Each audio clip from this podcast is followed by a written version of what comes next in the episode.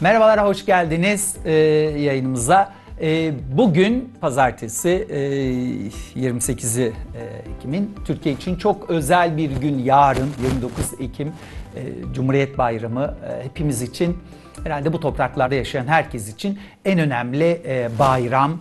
E, Türkiye tarihi açısından çok önemli Türkiye Cumhuriyeti tarihi açısından hepimiz için çok önemli. Öncelikle Cumhuriyet Bayramınızı e, kutlayayım. Yarın yayında değiliz e, çünkü. Cumhuriyet Bayramınızı enişten dileklerimi kutlarım. Cumhuriyetimiz payidar kalsın ilelebet e, diyelim. Cumhuriyete layık vatandaşlar olalım. Cumhuriyeti ileriye taşıyacak çocuklar yetiştirelim gençler yetiştirelim. E, Cumhuriyetimizi çok daha yukarılara götürecek ekonomik başarılar e, elde edelim e, diyelim. Cumhuriyet Bayramımızda e, kutlamış olalım. Geçen hafta e, baştan başlarsak, geçen hafta size Türkiye'nin yoksulluk durumunu göstermiştim. Bir ülkenin milli gelirinin büyüklüğü önemli bir göstergedir o ülke açısından önemli bir göstergedir. Ama o milli gelir kaç kişiye bölünüyor ve herkes ne kadar eşit pay alabiliyor? Dünyanın hiçbir yerinde gelir tam olarak adil bir şekilde paylaşılmıyor. O mümkün değil. Öyle bir şey yok. Ne yazık ki yok. Herkes eşit alsın isteriz. Ama öyle bir şey daha şu ana kadar e, yaşamadık, görmedik. Ee, evet e, işte bunun iddiasında bulunan ülkeler vardı ama oralarda da bu hiçbir zaman tam olarak bu eşitlik sağlanamadı ne yazık ki. Şimdi pastanın büyüklüğü pastanın ne kadar eşit parçalara bölündüğüyle beraber ele alınmadığı sürece yani gelir adaletine bakılmadığı sürece çok manidar bir şey değil. Neden değil?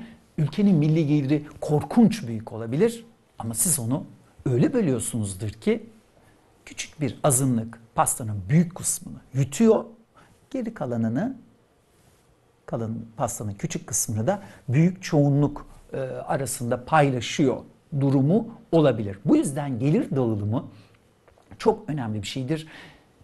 Bir ülkede gelir dağılımı ne kadar iyi ise o ülkenin ekonomik durumu kesinlikle daha iyi oluyor ve gelecekteki ekonomik durumu da daha iyi oluyor. Neden öyle oluyor?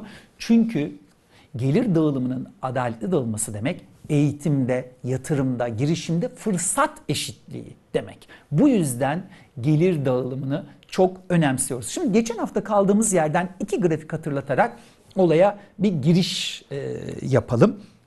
Nedir o e, geçen hafta kaldığımız e, yer? Önce yoksul kime diyorduk? Türkiye İstatistik Kurumu bunu net bir şekilde tanımlıyor. Türkiye İstatistik Kurumu diyor ki ayda 741 lira veya altı geliri olan kişi başı 741 lira veya altı harcanabilir geliri olan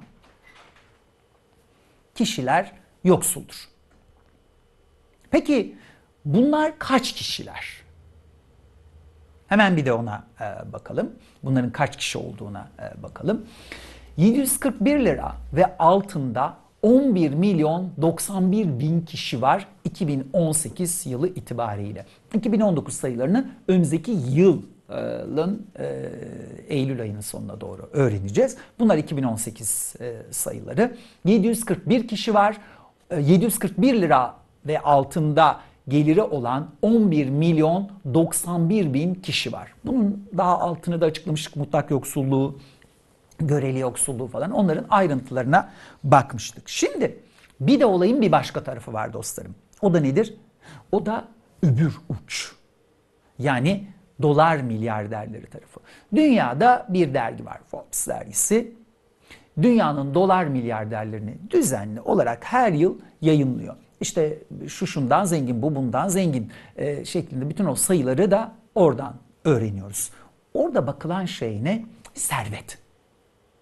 Gelir değil, servet. Servetle geliri genel olarak birbirine karıştırma e, eğilimi olduğunu e, ben e, görüyorum Türkiye'de. Gelir başka bir şey, servet başka bir şey. Sizin geliriniz küçük olabilir ama eviniz vardır. O bir servet. Sizin bir servetiniz var. Dolayısıyla o servetin dağılımına da bakacağız. Ee, servetin en üst seviyesine de bakacağız. Şimdi en üstten ee, başlamadan önce yani nerelere uzandığına bu işin bakmadan önce biraz gidelim ve e, hani nedir bizim e, durumumuz acaba ne gösteriyor bizim durumumuza ilişkin biraz onu görelim. Geçen haftaki araştırmanın içinde sizinle paylaştığım araştırmanın içinde Türkiye İstatistik Kurumu bize bir şey daha veriyor. İnsanların yaşam standartları ne durumda? Gelsin ilk grafiğimiz hemen e, görelim. Türkiye İstatistik Kurumu'nun araştırmasına göre Türkiye'de her bin kişinin 362'sinin evi rutubetli.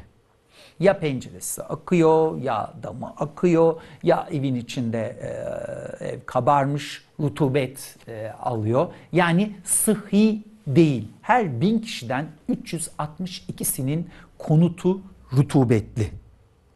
Peki gene devam edelim. E, Türkiye İstatistik Kurumu'nun verilerinden.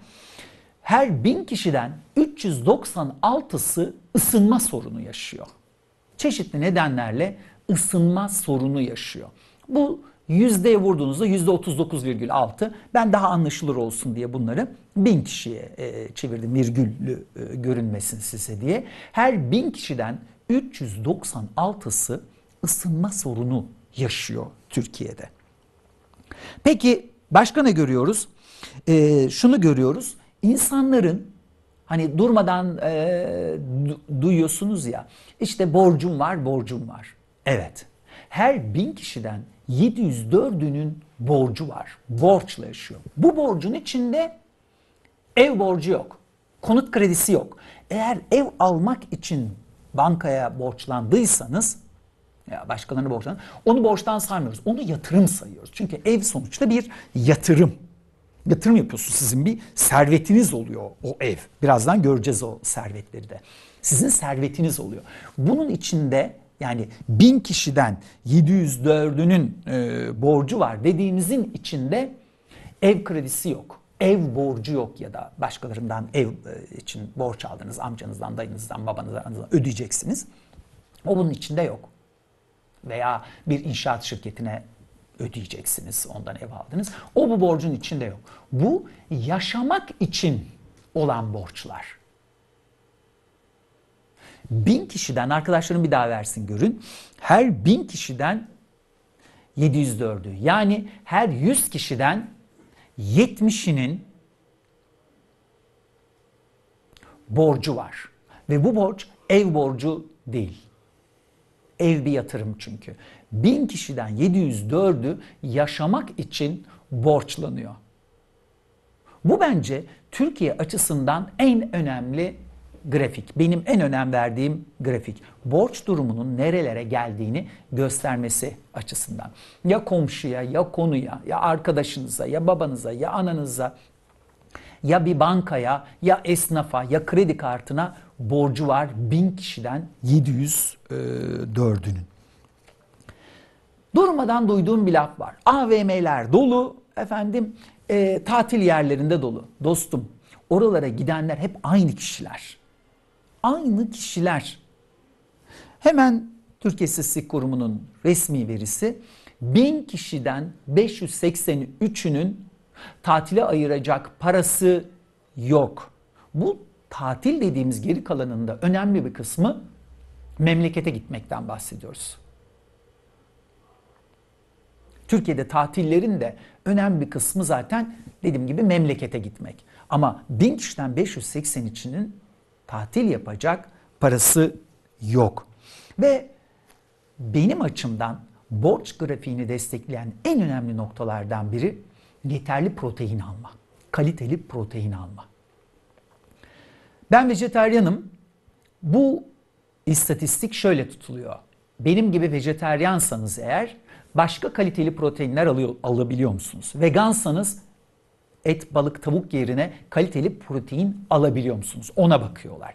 Her bin kişiden 304'ü yani her bin 3 kişiden biri yeterli protein alamıyor. Yemesi gereken kaliteli proteini yiyemiyor. Türkiye'de her bin kişiden 304'ü kaliteli protein alamıyor. Bu çok önemli e, bir şey. Kaliteli protein almak vücut gelişimi, beyin gelişimi açısından çok önemli dostlarım. Okullarda bilmiyorum duyuyor musunuz? Özellikle dar gelirli semtlerdeki, dezavantajlı semtlerdeki okullarda açlıktan bayılan çocuklar olduğu söyleniyor. Gidin öğretmenleri bir dinleyin. Çocuğun kafası yeterince çalışmıyor. Aptal olduğu için mi? Hayır.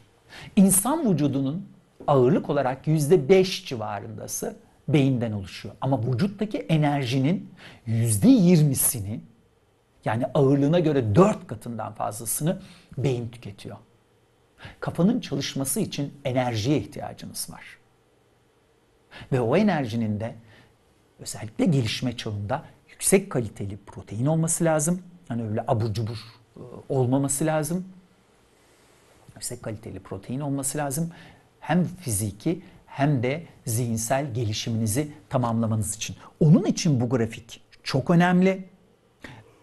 Özellikle yoksulların çok çocuk sahibi olduğunu, daha çok çocuk sahibi olduğunu düşünürseniz bu grafik bize Türkiye açısından iyi şeyler söylemiyor. Her üç kişiden biri yeterli düzeyde kaliteli protein alamıyor diyor. Ve bu haftalık yayınımızı burada ee, keselim.